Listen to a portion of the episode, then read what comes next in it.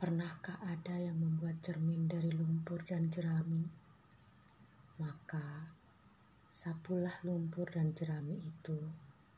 Sebilah cermin pun kan tersingkap. Ingatlah Tuhan sebanyak-banyaknya hingga kau terlupakan.